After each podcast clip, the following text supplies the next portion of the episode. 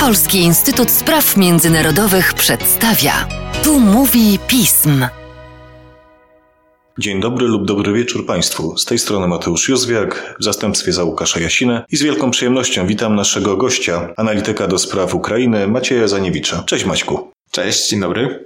23 sierpnia miała miejsce inauguracja Platformy Krymskiej, spotkania, które może mieć potężny wpływ na kwestie związane z obecnym statusem Półwyspu Krymskiego. Macieju, co tam się wydarzyło? Platforma Krymska została zainaugurowana, tak jak wspomniałeś, 23 sierpnia i jest to tak naprawdę największe tego typu wydarzenie w historii niepodległej Ukrainy, które zresztą odbywa się dzień przed obchodami 30. rocznicy na uzyskanie niepodległości przez Ukrainę. Zresztą nie bez powodu.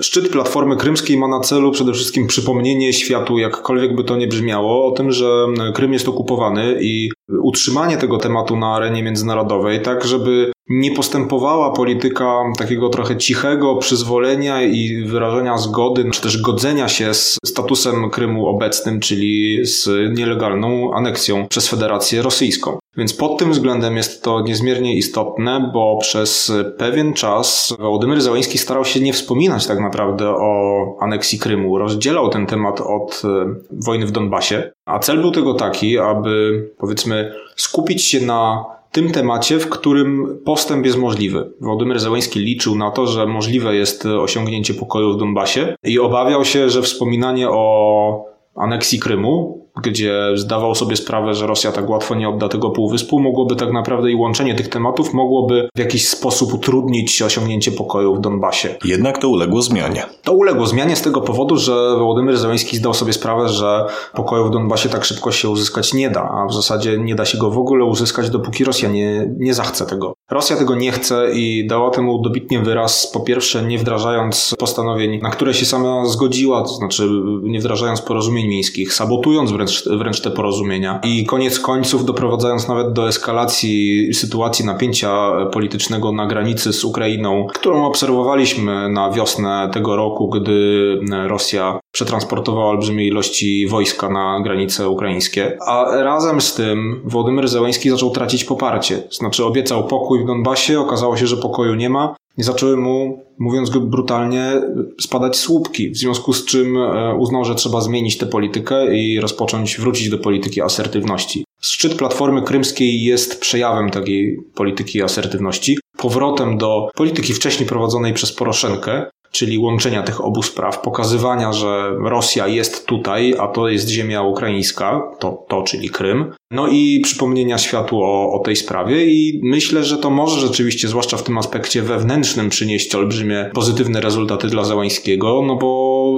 można powiedzieć, że pół wolnego świata się zjechało do Kijowa na szczyt Platformy Krymskiej. No właśnie, pojawili się tam przedstawiciele wszystkich państw Sojuszu Północnoatlantyckiego. Macieju, kto tam jeszcze był? Rzeczywiście członków jest bardzo dużo. Tak jak wspomniałem, to jest podstawowy sukces tej e, inicjatywy, że udało się zebrać tylu przedstawicieli tak wysokiego szczebla, bo rzeczywiście mamy do czynienia z przedstawicielami 42 państw i czterech organizacji międzynarodowych, w tym NATO, Unii Europejskiej, GUAM, Rady Europy i spośród czego 13 państw było reprezentowanych na szczeblach e, głowy państwa lub rządu. Między innymi e, z Polski przyleciał prezydent Andrzej Duda. Natomiast na pewno dużym wręcz niepowodzeniem jest to, że takie kluczowe e, z perspektywy ukraińskiej państwa jak Niemcy, Stany Zjednoczone, Turcja, Francja wysłały przedstawicieli na niższym, bo ministerialnym szczeblu. A jest to o tyle istotne, że mm, Rosja przed samym szczytem Platformy bardzo mocno zabiegała, uruchomiła naprawdę olbrzymią machinę dyplomatyczną,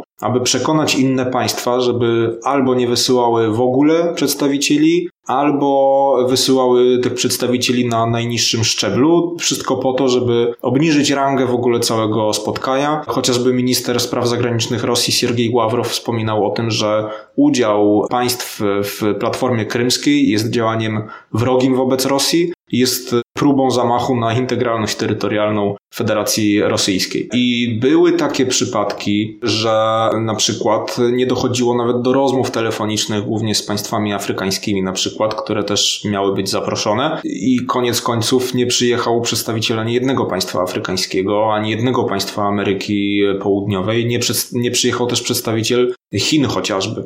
To pokazuje, jak sobie spojrzymy na tę listę członków y, i, i też szczebla, to można powiedzieć, że daje nam to obraz podziału świata na tę część, która przedkłada interesy z Rosją nad e, poszanowanie dla prawa międzynarodowego. Pewne rzeczy nie ulegają zmianie, a szkoda. Mimo wszystko Ukraina w ramach Platformy Krymskiej wypracowała na arenie międzynarodowej wyraźne gesty poparcia, a także zapowiedzi pewnych działań.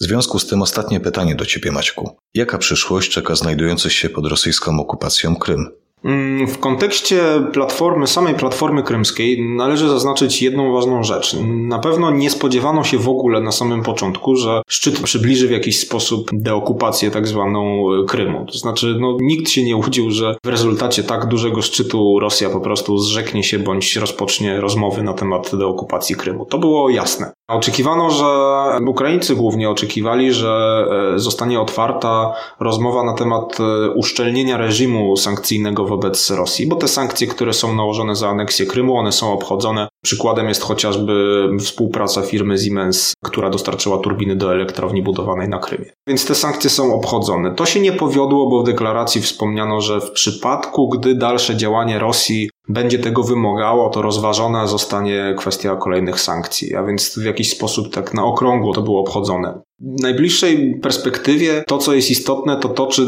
Platforma Krymska przerodzi się w jakiś stały format i będzie funkcjonował, na pewno nie na tak wysokim szczeblu, ale czy temat e, okupacji oraz temat łamania praw człowieka, temat ekologii na Półwyspie Krymskim będzie cały czas podnoszony i czy będzie w związku z tym wywierana ciągła presja na Federację Rosyjską, aby jeżeli nie rozmawiała na temat deokupacji, to przynajmniej zmieniła swoją politykę wobec mniejszości Tatarów krymskich, którzy są prześladowani na Półwyspie, więc to jest też ten aspekt humanitarny. Natomiast jak to będzie wyglądało? Ciężko stwierdzić e, i ostatnia, ostatnie ruchy ze strony czy to Niemiec, czy to Stanów Zjednoczonych wobec Federacji Rosyjskiej no nie napawają zbytnim e, optymizmem niestety. Jak zwykle w takich przypadkach czas pokaże. Tymczasem, Maćku, dziękuję za dzisiejszy podcast, a Państwa zachęcam do śledzenia naszej strony internetowej, mediów społecznościowych, także czytania biuletynów i słuchania podcastów. Do usłyszenia.